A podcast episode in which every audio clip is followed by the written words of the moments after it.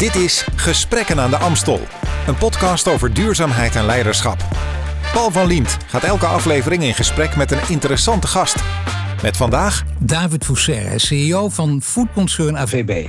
Het coöperatieve aardappelzetmelkconcern wil groeien in waarde en de negatieve impact op het milieu verminderen.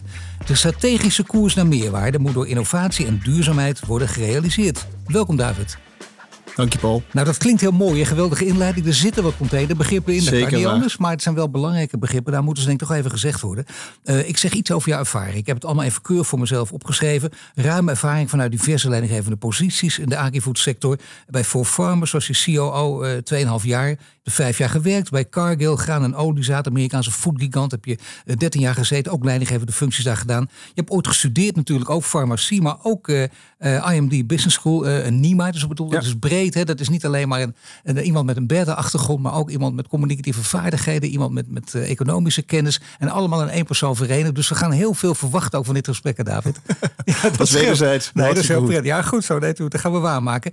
Maar eerst even Royal, waar je nu zit. Dat is ook wel heel mooi altijd. Koninklijk. Ja. Daar ben je trots op. Of, eh, of, of- maar het kan zijn dat je privé bijvoorbeeld republikein bent. Er is ook niets op tegen. Nee. Maar hoe is het in jouw geval? Nee, ik ben daar trots op. Ik ben er trots op namens AVB. Hè. Dus eh, het heeft een rijke historie. Dat is natuurlijk mede de aanleiding waarom we die stap naar Koninklijk hebben weten te maken.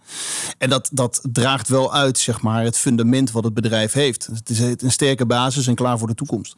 Nou heb ik gezegd, je hebt een, eh, een, een mooie achtergrond met, met Cargill, eh, met For Farmers eh, in de agri-food sector. Gepokt en gemateld zou je bijna kunnen zeggen. Maar ja, dat, dat ben je misschien niet als je 15, 16, ik weet het toch zeker dat je het niet bent. Dan, dan staat een ander toekomstbeeld voor ogen. Wat, wat wilde je worden toen je jong was? Ja, goede vraag. Ik, de rode draad in mijn leven is wel altijd natuur geweest. En ik wilde veearts worden. Dus ik had de ambitie om diergeneeskunde te gaan studeren. Maar in Nederland is daar een lotingssystematiek voor. Ik was vrij goed in scheikunde. Dus de stap naar farmacie was vrij makkelijk gemaakt. En eh, na enkele jaren bleef ik uitgeloot. En toen heb ik maar besloten om farmacie af te ronden. En de stap naar het bedrijfsleven te maken. Wat eh, voor- vanuit die studie natuurlijk best een spannende stap was. Ja, dat is sowieso inderdaad een spannende stap. Maar überhaupt ook als je echt, dat, dat, dat willen mensen heel graag. Het mooiste wat er is als je vrij jong bent en je weet al wat je wil worden. Ja. Dat, dat moet je dan ook gaan worden. Dat moet je ook voor elkaar zien te krijgen. Ja, Heb je nooit meer een poging kunnen wagen of wat dan ook? Dat is gewoon door dat verschrikkelijke loadingssysteem, in dit geval voor jou, slecht uitgepakt. Ja, precies dat. Hè. Dus maar is het dan, in, in, eh, ja, het klinkt heel flauw als ik het meteen nu al zeg, maar in zekere zin, hoe goed je het ook gedaan hebt tot nu toe ook, maar dan toch een, een tweedehands leven. Nou, dat denk ik niet, want ik heb uiteindelijk mijn passie gevonden. Ik vind het een super goede vraag. En mijn passie ligt echt in die agri-foodketen. Wellicht komen we daar later nog wel op terug. Maar die stap naar die veehouderij heb ik natuurlijk via For Farmers uiteindelijk weten te maken. Dus dat was het meest dichtbij wat ik kon komen. Eh, maar ik zie ook wel de uitdagingen die je tegenwoordig als dierenarts hebt. En zeker in Nederland. Dus ik ben eigenlijk heel blij dat het mijn pad een ander pad is geworden. Waarin ik me ongelooflijk heb mogen ontwikkelen. Mooie kansen heb gekregen. En sta waar ik nu sta. Dus dat, Maar je eh, omringt je wel met wat, eh, je wordt geen dierenarts als je niet van dieren houdt. Je omringt je wel eh, in je privéleven met dieren of niet? Ja, ja, eh, toch? ja, zeker. Tot Ja. op een zekere hoogte, dat moet ik wel zeggen. Maar ik ben opgegroeid in Brabant tussen met name varkenshouderijen. die er inmiddels niet meer zoveel zijn in die regio. En dat heeft natuurlijk wel wat met mij gedaan. Hè. Dus ik ging op zaterdag, eh, verzamelde ik eikels... die ik vervolgens ging verkopen aan, eh, aan de lokale boeren. Daar is het een beetje bij gekomen. Dus eh, ergens heeft dat natuurlijk altijd gelongt, hè, terug naar jouw vraag.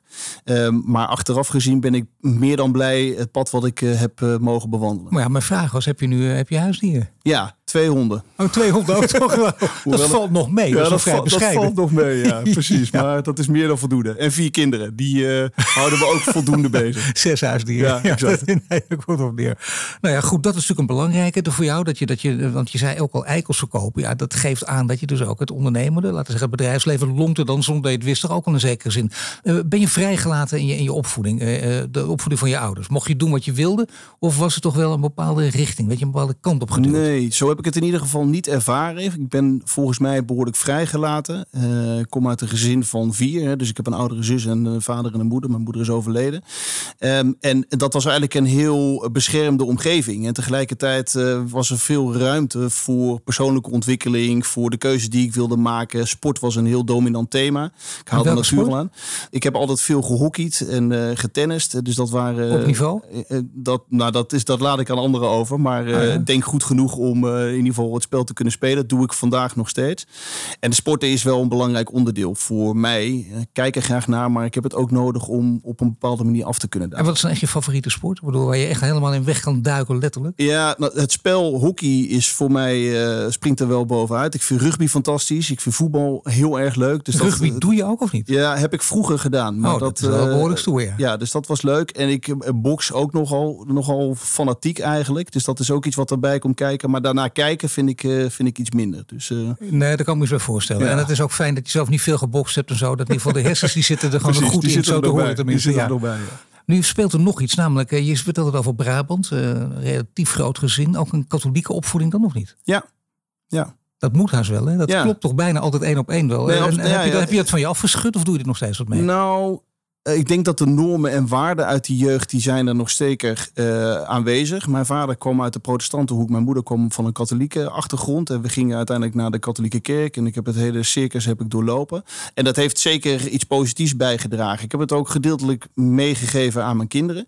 Of we eigenlijk, samen met mijn vrouw natuurlijk. Um, maar ik ben geen uh, actieve kerkganger nu. Het is meer de normen en waarden, denk ik, die me zijn bijgebleven dan iets anders. Maar, maar kun je een paar waarden en normen noemen? Of normen en waarden? Want uh, ja, die worden vaak ook verschillend geïnterpreteerd. Daar is het eigenlijk de katholieke kerk voor, zou ik bijna zeggen. Nou, Eén die er voor mij uitspringt is echt het respect hebben voor elkaar. En uh, eerst luisteren en dan spreken.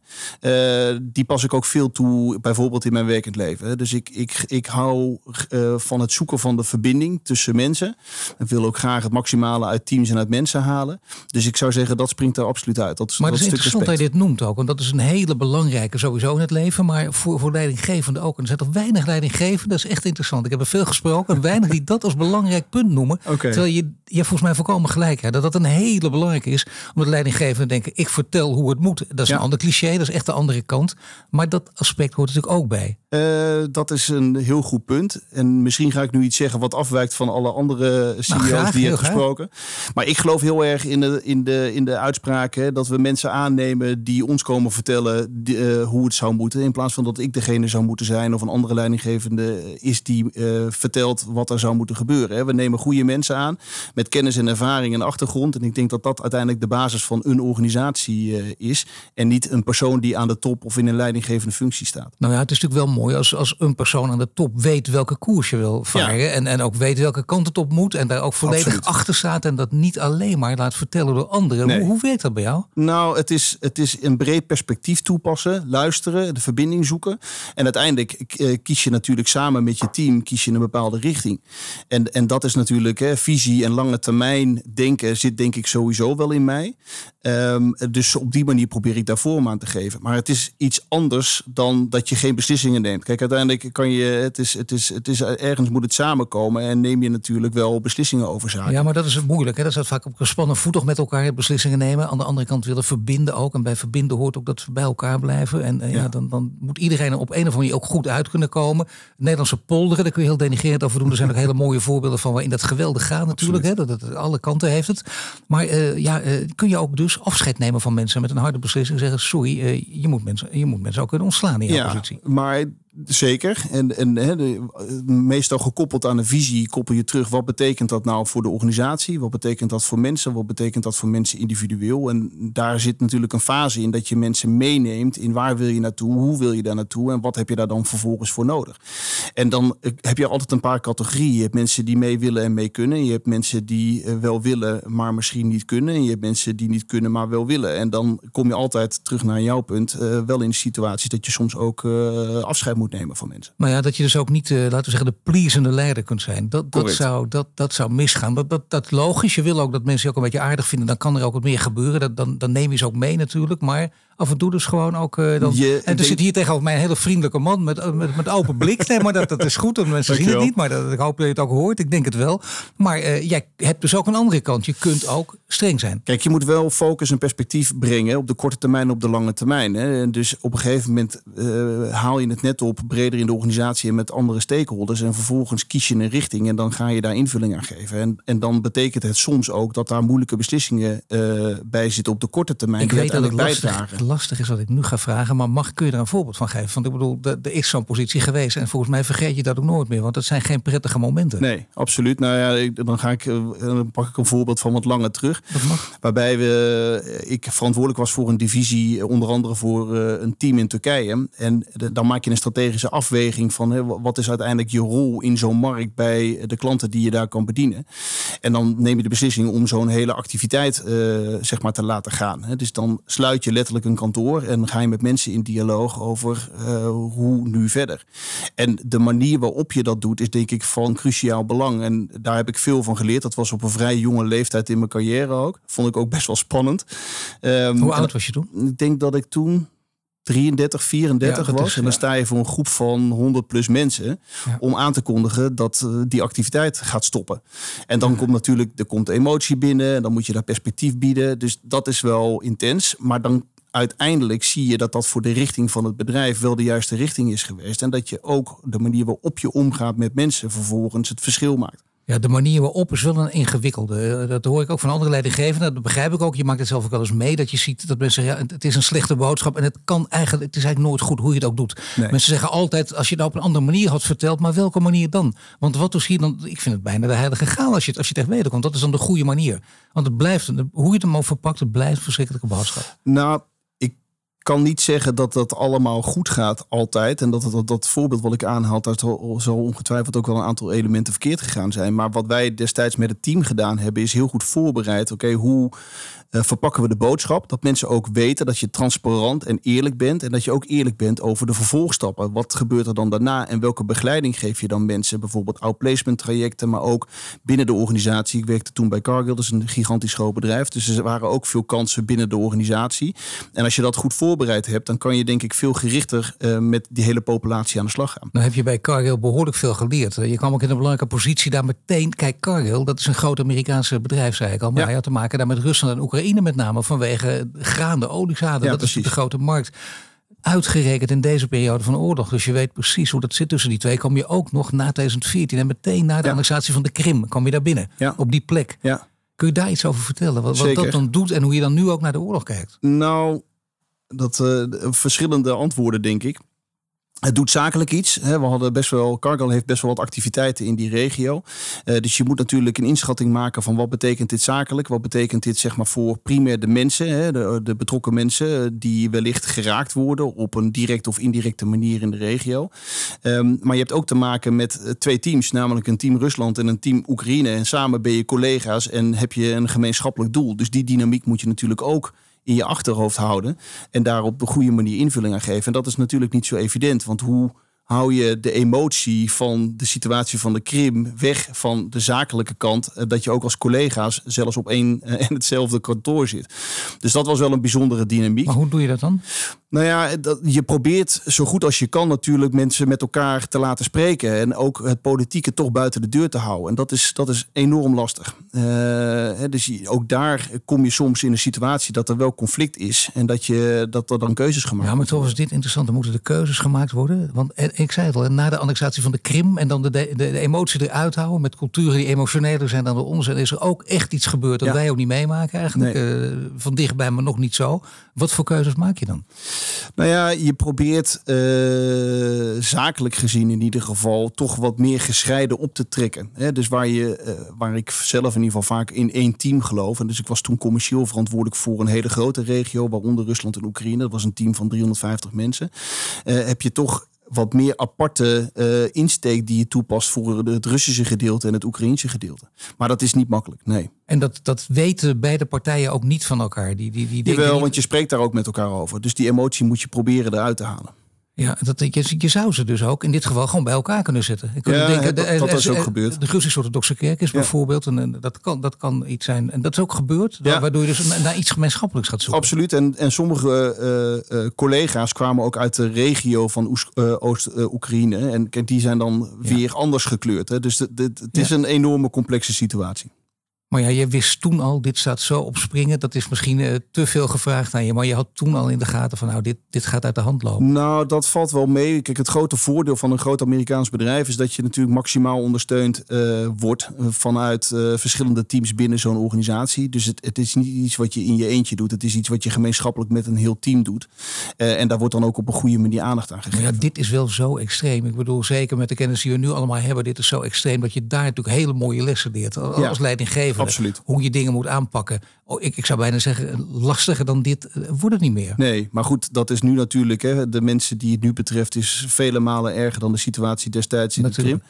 de Krim. Um, ik denk wat vaak onderschat wordt, is dat er eigenlijk al oorlog sindsdien is hè, in een gedeelte van Oekraïne. Daar wordt, vind ik, niet zo vaak uh, aan gerefereerd. Dus die onrust is eigenlijk op een bepaalde manier gebleven.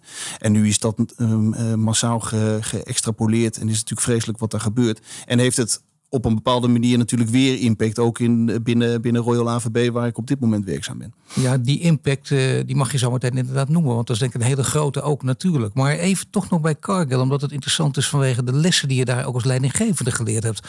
Je zegt al twee aparte groepen bij elkaar zetten, enorme emotie eruit halen. Het woord emotie is al een paar keer gevallen. Uh, jij lijkt me iemand die van zichzelf wel degelijk emotie heeft, maar je kunt het ook heel goed onder controle houden. Ik hoor van elke leidinggevende, uiteindelijk is dat waar het om draait. Je moet echt, en dat is echt niks moet, maar dit moet wel in het leven. Als leidinggevende niet toegeven aan emotie. Onderschrijf je dat of niet? Nou, gedeeltelijk denk ik. Ik geloof niet dat je heel emotioneel uh, in een leiderschapsrol moet zitten. Maar ik geloof ook wel dat je gewoon authentiek moet zijn. En dat je prima op bepaalde momenten je emoties kan tonen en kan delen dat maakt je ook mens. En ik geloof heel erg in dat ook leiderschap betekent dat je mens bent en dat je authentiek bent. Um, maar tegelijkertijd, zeker in een rol waarin ik nu zit, uh, moet je natuurlijk niet meegaan met de emotie van de dag. Dat is de andere kant ervan. Nee, maar het wordt ook vaak gezegd natuurlijk juist, dat is, dat is een van de, met alle nadelen die er zijn, even de voordelen van ouder worden, dat je juist uh, die emotie, die kun je er iets mee uithalen. En ja. dat is ook prettiger, want het gaat uiteindelijk om een andere zaak en laat anderen maar emotioneel zijn. Dat mag.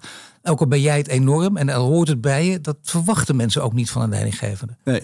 Correct. Ben je, ben je er goed in? Om, om dat onder, want je kunt het toch niet zomaar onder controle krijgen? Nou, ik denk dat daar wat je terecht aanhaalt, hè, als je in verschillende rollen uh, hebt uh, mogen zitten, dan heb je ook brede ervaring uh, opgedaan. Ik heb het voordeel dat ik ook veel internationale ervaring heb opgedaan, waardoor ik automatisch ook met verschillende nationaliteiten en achtergronden heb mogen werken.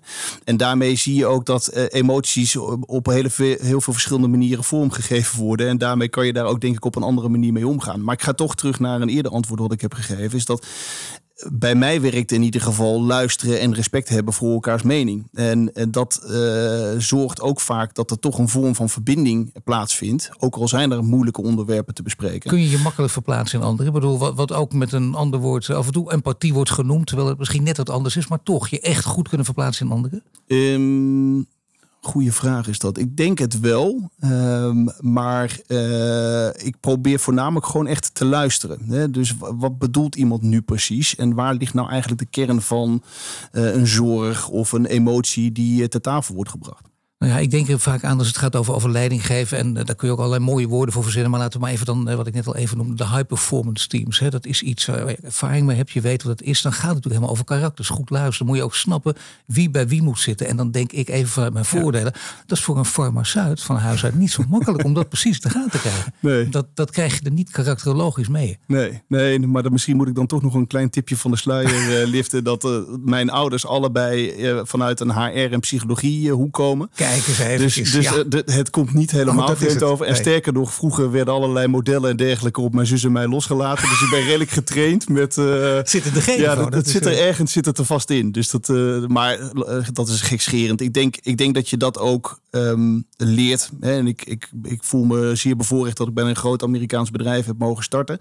Die dat ook voeden. Hè? Dus leiderschap was altijd een belangrijk thema. En dat, dat krijg je dan mee via je leidinggevende, maar ook via trainingen en opleidingen, noem alles maar op. Dus dat zal ongetwijfeld ook een bijdrage Maar wat heb je vooral meegekregen als het gaat over die high performance teams? Want ik bedoel, dat, daar kun je op verschillende manieren mee omgaan. Ja, Ja, nou een van de elementen die me heel erg is bijgebleven is een, een mentor die ik uh, een hele lange tijd geleden gehad heb, is het play-to-win mentaliteit. Hè. Dus zit je in de wedstrijd om te winnen of zit je in de wedstrijd om niet te verliezen? En die uh, tegenstrijdigheid, daar zijn we nu ook binnen AVB mee bezig. Dat, dat levert hele mooie discussies op. Hè. En reflecterende destijds, dan praat ik over 15 jaar terug, uh, toen die vraag aan mij werd gesteld, dacht ik, ik zit altijd in de wedstrijd om te winnen. Maar in alle realiteit zat ik ook wel eens in de wedstrijd om niet te verliezen. Oftewel dat ik probeerde het misschien de schijn op te houden en in de achtergrond niet direct voor het grote doel zeg maar, te gaan. En dat heeft mij in ieder geval wel echt veranderd.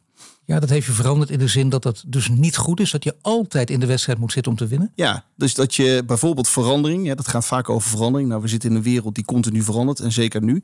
Dat je verandering omarmt als iets positiefs en, en, en daarmee ook durft te ontwikkelen, te innoveren en te verbeteren. En, en dat geldt voor jou als individu, dat geldt voor de teams waarin je werkt, dat geldt voor het bedrijf waarin je werkt. Maar hoe zit het dan met, uh, met je verlies kunnen nemen en moeten nemen af en toe? Ja, nou, dat, ik vind dat niet zo uh, lastig. Hè? Want ook een onderdeel van die winnende mentaliteit is, is dat je soms wat verder gaat dan je wellicht kunt. En daarmee fouten maakt. Maar fouten maken zie ik als een kans om jezelf te ontwikkelen en te leren. Maar het is heel vervelend om te winnen. Om, om, om te verliezen als je wil winnen. Als je de wedstrijd ingaat om te winnen. En jij met je sportachtergrond weet ook als geen ander. Ja. Dat is ook heel de mooiste vergelijking altijd gemaakt. Dus de sport en bedrijfsleven. En terecht begrijp ja. ik ook heel goed. Maar is het voor jou ook echt als, als het uh, dus niet over sport gaat. Maar in, in je werkend leven en je verliest die wedstrijd tussen aanhalingstekens ja. dan, dan heb je ook echt de pest in. Nou, topsporter dat ook. Ja, ik ben wel resultaat georiënteerd. Ja, ik vind het wel vervelend als ik bepaalde doelen niet haal. Dat is zeker zo. Ten ja. koste van alles? Nee, niet ten koste van alles. nee. dus dat is de, de keerzijde ervan. Maar doelen zijn natuurlijk, wordt vaak gerefereerd in het bedrijfsleven als financiële doelen. Maar er zijn veel meer doelen die we met elkaar stellen. En dat is natuurlijk net zo belangrijk. Nou ja, dat hangt ervan af inderdaad hoe je ook hier weer letterlijk, ik zeg het niet om flauw te zijn, maar in de wedstrijd staat. Hè. We ja. kennen een Paul Polman die de kwartaalcijfers afschafte, die als een gek werd, uitge, werd uitgemaakt. Want dat kan helemaal niet, zeker niet in de anglo-saxische wereld. Hij deed het toch. En ik moet hem altijd noemen, omdat er inderdaad niet gek veel zijn die dat ook zo gedaan nee. hebben. Hoe heb je daarna gekeken? Nou, dat is grappig dat je hem specifiek aanhaalt. Ik vind dat echt een voorbeeld, uh, in alle eerlijkheid. Dus uh, daar doe ik ook niet geheimzinnig over. En zo zijn er denk ik uh, nog wel meerdere. Ik, er zijn elementen daarvan die ik ook wel meeneem in mijn eigen carrière. Ik geloof, ik geloof ook dat, we, dat de impact van het bedrijf of een organisatie waar je werkt veel verder gaat dan bijvoorbeeld een financieel gewin of een aandeelhouderswaarde. En het mooie van uh, een coöperatie, waar ik dan nu werkzaam ben, is, is dat het ook veel verder gaat dan alleen het financiële prestatie. Ja, ik weet dat je daar naartoe wilt. Dus net of ik jou nee, nee, nee, helemaal niet. Ja, dat moet je ook. Daar, daar willen we heel graag. Ja, we willen nee, alles nee, voor je. Maar ik wil toch nog even voor Farmers erbij betrekken. Want speelde dat daar ook? Dat er dus een ander gewin speelde dan financieel en aandeelhoudersgewin? Nou ja, zeker. En ik denk dat dat ook breder ingestoken wordt. Het grote voordeel, denk ik, van For Farmers is dat het een coöperatie uh, van oudsher was en eigenlijk nog steeds is. Uh, en dat neem je ook mee, ondanks dat er een beursgang heeft plaatsgevonden, neem je dat ook mee als organisatie. Dus dan wordt er automatisch bredere doelen gesteld dan alleen het financiële stuk. Wat is een belangrijk ander doel? Echt een belangrijk ander doel, wat jij ook nastreefde in een leidinggevende functie? Nou, voor mijzelf of voor binnen voor jezelf? Nou ja, voor, voor mijzelf gaat, gaat, het, samen. Ja, gaat het, gaat, het, gaat het toch ook wel vaak over het welzijn van de, de, bredere palet van, van, van stakeholders, zoals dat dan mooi heet, waar je mee te maken hebt. Hè. Dus dat gaat over uh, je werknemers, dat gaat in ons geval hè, bij AVB over natuurlijk de boeren. Dat gaat ook over onze klanten, dat gaat ook over de omgeving waarin we opereren.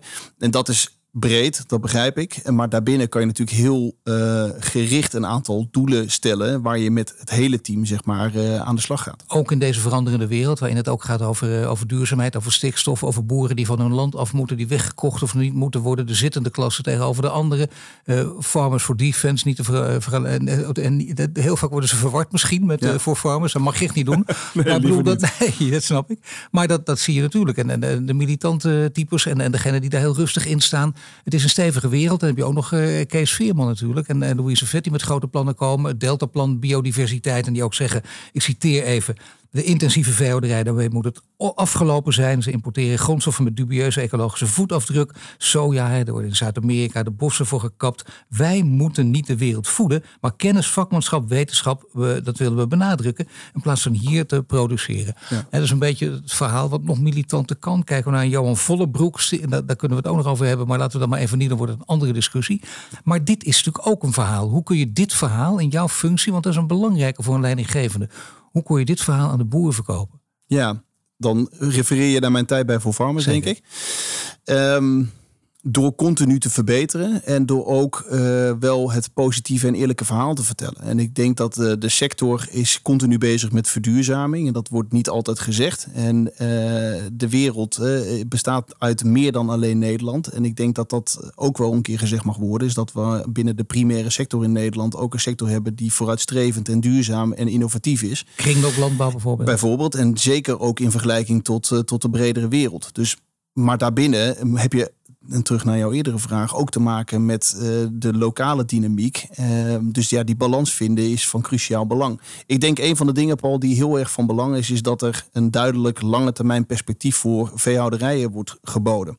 Uh, en ik, dat ontbreekt op dit moment nou, wel. Ik vanuit deze boeren geredeneerd zou ik kunnen zeggen dat onzekerheidsbombardement is het ergste wat er is. Ja. En, en dan kun je wat transparantie bieden. Nee, je moet gewoon vertrouwen bieden en zeggen, nou het gaat eenmaal zover, het is niet leuk. Misschien wat Kees Veerman doet, doe je ze vet eigenlijk nog meer.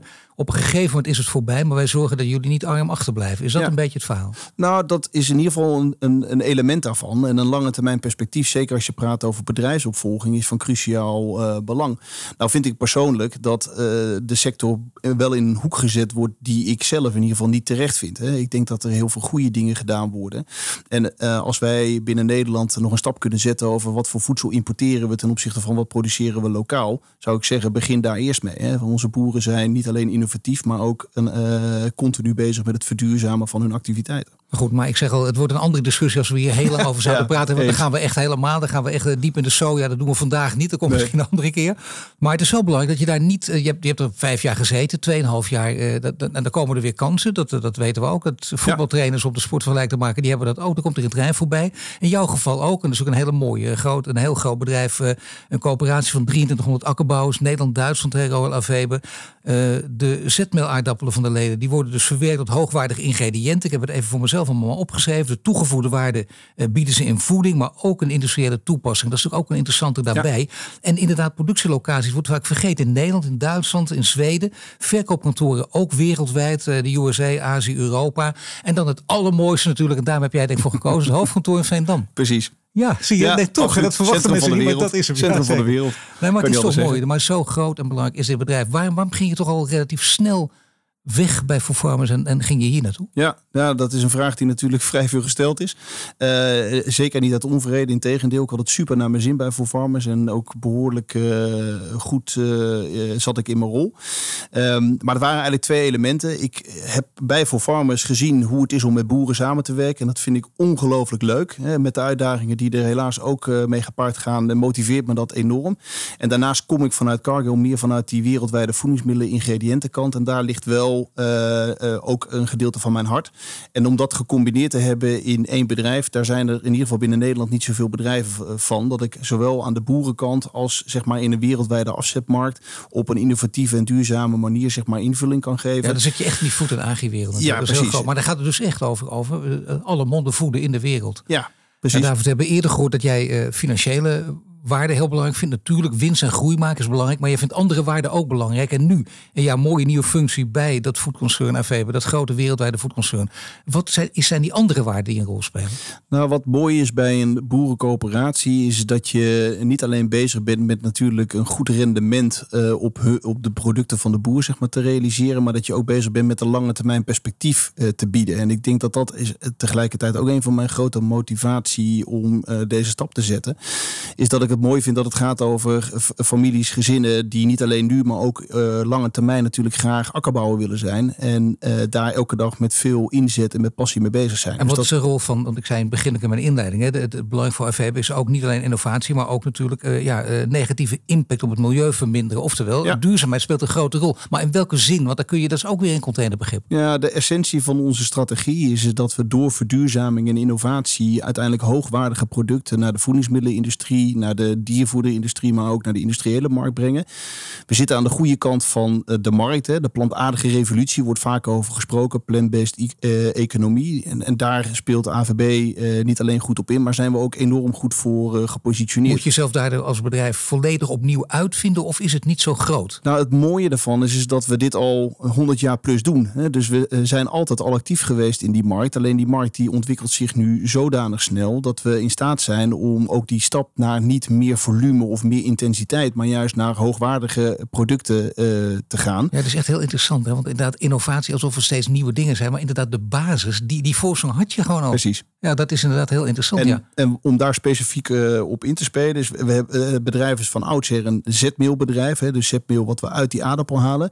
En inmiddels hebben we dat verbreed naar eiwit en naar vezels, waar natuurlijk veel vraag naar is. Hè. Onderdeel van de, uh, de strategie binnen Europa om de, die eiwittransitie verder vorm te geven. inspelen op de eiwittransitie. Ja, en dat is prachtig, want we hebben niet extra grond nodig. Hè. Dus we doen hetzelfde met het aantal hectare wat we nu al hebben. En we halen er meer producten uit, waardoor, en je haalde net soja aan, we bijvoorbeeld minder soja naar Nederland hoeven te halen. Omdat we die producten gewoon direct vanuit uh, ja. Friesland en Ja, ik wou uh, het er niet over hebben, maar toch over beginnen. Ja. Terwijl het nee, klopt. Nee, maar dat is een heel goed voorbeeld, denk ik.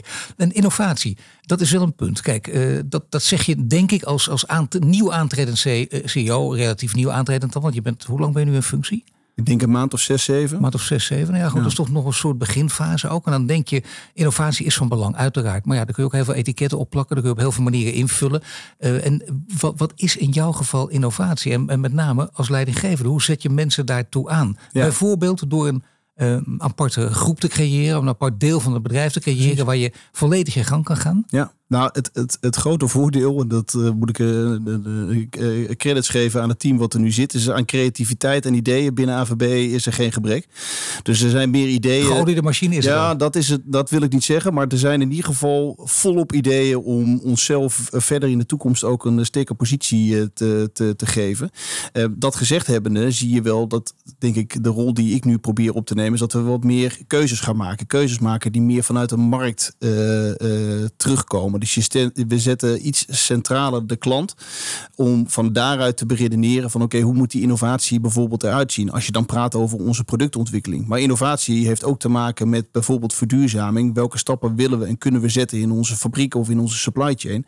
Om daar natuurlijk ook continu te verbeteren. Ja, en dat kun je doen door bijvoorbeeld inderdaad eh, af te vinken en het Excel-sheetje te vullen. Heb je het gewoon goed gedaan? Of je kan zeggen, nee, het komt, het, het, het is groter, het is, het, is, het is belangrijk, het is ook voor de maatschappij. Het, is ook, het heeft misschien wel met je opvoeding te maken, als je dat zei. Ja. Dus dan wil je toch ook die bijdrage wil je ook leveren. En ik wil niet als een missionaris nu ook gaan klinken. Maar dat is ook een mooi deel van het, van het leven natuurlijk. In zo'n bedrijf wil je ook werken. Ja. Je haalt ook de beste mensen naar je toe. Als je ze goed betaalt, maar ook als je dit laat meespelen. Ik denk zeker bij de jonge generatie. Ja, nee, absoluut. En, en daarbij specifiek, AVB heeft ook echt een, een, een vrij belangrijke rol in de arbeidsmarkt in Noord-Nederland, Groningen en in Drenthe. Uh, waarbij we wel uh, nu zien dat met name technische functies heel moeilijk te vinden zijn. Dus daar besteden we veel aandacht aan. De kink in de kabel van de transitie. Ja, absoluut. Hè. We zien um, dat daar de behoefte groot is. Hè, ook voor mensen bij ons in de fabriek. Dus we werken samen met scholen, we werken samen met universiteiten. En daar maken we grote stappen. Een goed voorbeeld is ons innovatiecentrum in Groningen. Waar we inmiddels meer dan twintig nationaliteiten hebben. En dat komt mede doordat we daar samen met de Rijksuniversiteit Groningen samenwerken. En al vrij vroeg natuurlijk mensen aan ons toe, uh, naar ons toe kunnen trekken. Dat is echt geweldig, want dit is precies waar het over gaat. En dan vraag ik altijd hoe, jij zegt het zelf van nee, maar dit is precies het grote probleem. Wij zeggen, nou dat, dat hoeft niet, wij knappen koppen, dat mogen de anderen mogen dat oplossen. Maar je zegt nee, dat hoort er nadrukkelijk bij. Ja. Dit is de uitwerking van het idee. Ja. Waar je ook dus als leidinggevende mee moet bemoeien. Absoluut. Nee, zeker waar. En ik moet zeggen, dat heeft natuurlijk uh, mijn voorganger heeft daar uh, flink vorm aan gegeven. En je moet je aan de ene kant duidelijk positioneren, maar je moet ook, en dan kom je toch bij, wat is je grotere doel als organisatie? En ik moet toegeven dat we daarin natuurlijk wel inspelen op iets wat heel uh, veel aandacht krijgt. Namelijk, hoe bewegen we in de wereld vanuit een voedingsmiddelenindustrie meer naar een uh, plant-based uh, voedselpatroon. En dat, is, dat, dat trekt ook wel weer een bepaald profiel mensen aan die graag bij AVB willen werken. Omdat er natuurlijk veel innovatie, nadruk ligt op innovatie en verduurzaming. En dus die combinatie die maakt het wel sterk. En dat betekent ook dus uh, dat de innovatie kan af en toe mislukken. Dan kun je verschillende tactieken, strategieën ontwikkelen. Bijvoorbeeld door uh, hele mooie start-ups op te kopen. Ja. Of door inderdaad een deel van je bedrijf gewoon aan het innoveren te laten. Precies. En waarvan je weet dat en tegen de anderen ook zeggen: luister even, het kan zijn dat er niks uit hun handen komt. Dat het weggegooid geld lijkt, maar dat is het niet. Want een innovatie mislukt. Dat hoort bij de innovatie. Ja, en daarna komt er wat moois uit. Absoluut, dat hoort erbij. Hè. Dus het is een Maar gedeelte... hoe, doe, hoe doe je dat als leidinggever? Nou ja, het beste kan ik uh, toch refereren naar dat je ruimte laat om te ondernemen om nieuwe dingen te eh, proberen en om ook fouten te maken. Dus ik geloof niet dat je alleen maar kaders moet creëren waarbij mensen binnen die bandbreedte van die kaders moeten opereren. Als je een innovatief bedrijf bent, dan is het denk ik belangrijk dat mensen ook zelfstandig uh, hun creativiteit kunnen toepassen. Daarnaast geloof ik, en dat geldt zeker voor AVB, dus dat je niet alles zelf moet proberen, maar dat je ook door samenwerkingsverbanden natuurlijk kennis binnenhaalt en ook creativiteit verder stimuleert. Maar samenwerkingsverbanden wil zeggen dat je dus dat je start-ups opkoopt of dat je misschien met onvermoede coalities gaat smeden. Die je, en, en welke zijn dat? Die je, die je nooit prijs zou geven, maar nu wel, omdat ik er naar vraag? Nou, het mooie daarvan is dat veel van onze klanten natuurlijk zijn vaak start-ups of net voorbij die fase. Want die zitten namelijk in uh, plant-based meat of in plant-based fish. Of, uh, dat, die zitten heel veel in die hoek. We zien nu in die industriële markt, daar hè, zien we ook een toenemende vraag voor het vervangen van synthetische en petrochemische producten. En dan worden we vrij snel uh, en vrij vroeg in het, in het traject worden we daarbij betrokken. En dat automatisch creëert natuurlijk veel innovatief slagkracht. Nu lijkt het me belangrijk om dit verhaal, dat, dat is een verhaal met trots, een verhaal met geschiedenis ook, dat je het uh, naar buiten kunt brengen. En sommige bedrijven zeggen dat is, dat is niet nodig. We zitten echt in zo'n duidelijke B2B-markt dat het niet hoeft. Terwijl ik altijd denk, zelfs een B2B-markt heeft daar wel behoefte aan weer. Maar, uh, vanuit het idee, als je er werkt, maar ook om goede nieuwe mensen aan te trekken. Is dat een, een stap die ook meer genomen gaat worden? Jij bent natuurlijk een CEO die makkelijk naar buiten treedt. Dat, dat weet ik niet, maar het is wel een supergoed punt wat je aanhaalt. Want ik denk dat ook de Groningse nuchterheid, uh, dat, mensen zijn enorm trots die bij AVB werken. En terecht zou ik zeggen. Eh, maar er zit ook een Groningse nuchterheid in. Terwijl ook ik als nieuwkomer zie van wat voor waanzinnig verhaal we kunnen vertellen. En ik zie dat het ook nodig is. Hè. Bijvoorbeeld, we hadden het net even over de politieke debat en de discussie over de primaire sector. Hè. Dus de, de, de boeren in zijn algemeenheid. Dat er best wel veel uh, te winnen valt door het verhaal van AVB te vertellen. Omdat wij namelijk niet onderdeel van het probleem zijn, maar onderdeel van de oplossing. Wij bieden duurzame oplossingen door de keten heen. Omdat we namelijk dierlijke producten vervangen, petrochemische producten vervangen, synthetische producten vervangen, die allemaal met onze producten een, een betere uh, footprint uh, met zich meebrengen. Nee, natuurlijk. En die hele grote maatschappelijke discussie over de voedseltransitie is ook een heel groot verhaal. Je zou bijna zeggen aan alle tafels in ieder geval de mensen aanschuiven. Dat ja. is wel een belangrijke. Ja. Als een belangrijke speler op dit gebied, dat mag je zeggen. Ja. Nu weten we dat jij natuurlijk, dat kan niet anders. Het zijn alle mensen met, met, met groot talent die veel kunnen. Daar ben jij er één van. Dus dat betekent dat je, dat je ook, ook ongeduldig bent en, en dat je nog meer wil. Je vleugels blijft uitslaan.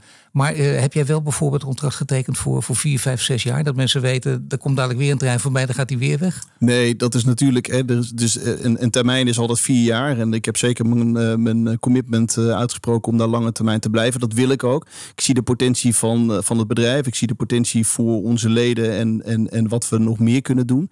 Het mooie van die strategie is dat je hè, door innovatie en verduurzaming ook echt nog gro grote stappen kan zetten. En de markt komt naar ons toe, wat ik al eerder zei. Nee, dus is dat, juist, dat is absoluut zo. Het is natuurlijk een enorm interessante tijd, denk ik, om hier bij dit bedrijf ja. te zitten. Jouw positie zeker. Dus je zou bijna zeggen, ja, wat, wat toch in alle boeken staat, dat jij al jouw uh, in, in jouw studietijden ook geleerd hebt. Het is, het is, acht jaar, denk ik. Dat staat voor een leiderschap. Dat, dat is normaal gesproken. Dan kun je ook echt iets, iets verrichten. Ja, precies. Absoluut. Nee, helemaal mee eens. Daar heb ik niks maar niet aan toe te lang.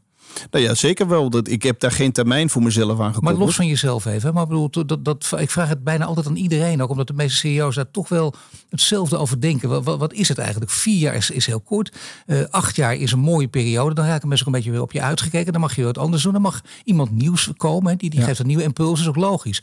En, en, die rekent af met de vorige. En die, die, doet, die maakt zijn eigen keuzes. Zo, zo hoort het ook. En dat, dat is helemaal niet slecht. Dat zien we door de hele geschiedenis heen. Dus jij denkt acht jaar, dat klopt ook wel. Nou ja, of het acht jaar is of tien jaar of jaar. Ik geloof, ik geloof wel dat er een houdbaarheid is aan uh, mensen in posities zoals ik zelf. Hè? Want op een gegeven moment dan, dan, dan is het ook goed voor een frisse blik en een nieuw perspectief. Um, en ik denk dat dat goed is. Hè? Dus ik, ook bij mij zal er een houdbaarheid uh, aan zitten. Die energie uh, die zit er nu volop in. Dat is ook logisch. Ik ben natuurlijk net begonnen en ik zie, wat ik net al zei, legio kansen om nog flinke stappen te zetten. En er zijn ook uitdagingen genoeg om vast te pakken. Dus ehm, dat geloof ik. En dat is duidelijk niet gelogen. Dat zie ik aan je. Enorm ja. veel plezier hierin. Hartelijk ja. dank David Foussea voor dit gesprek. Dankjewel Paul. Dit was Gesprekken aan de Amstel. Een podcast over duurzaamheid en leiderschap. Presentatie Paul van Liemt. En mede mogelijk gemaakt door Maas en Lunau Executive Search. Volg ons in je favoriete podcastplayer voor meer Gesprekken aan de Amstel.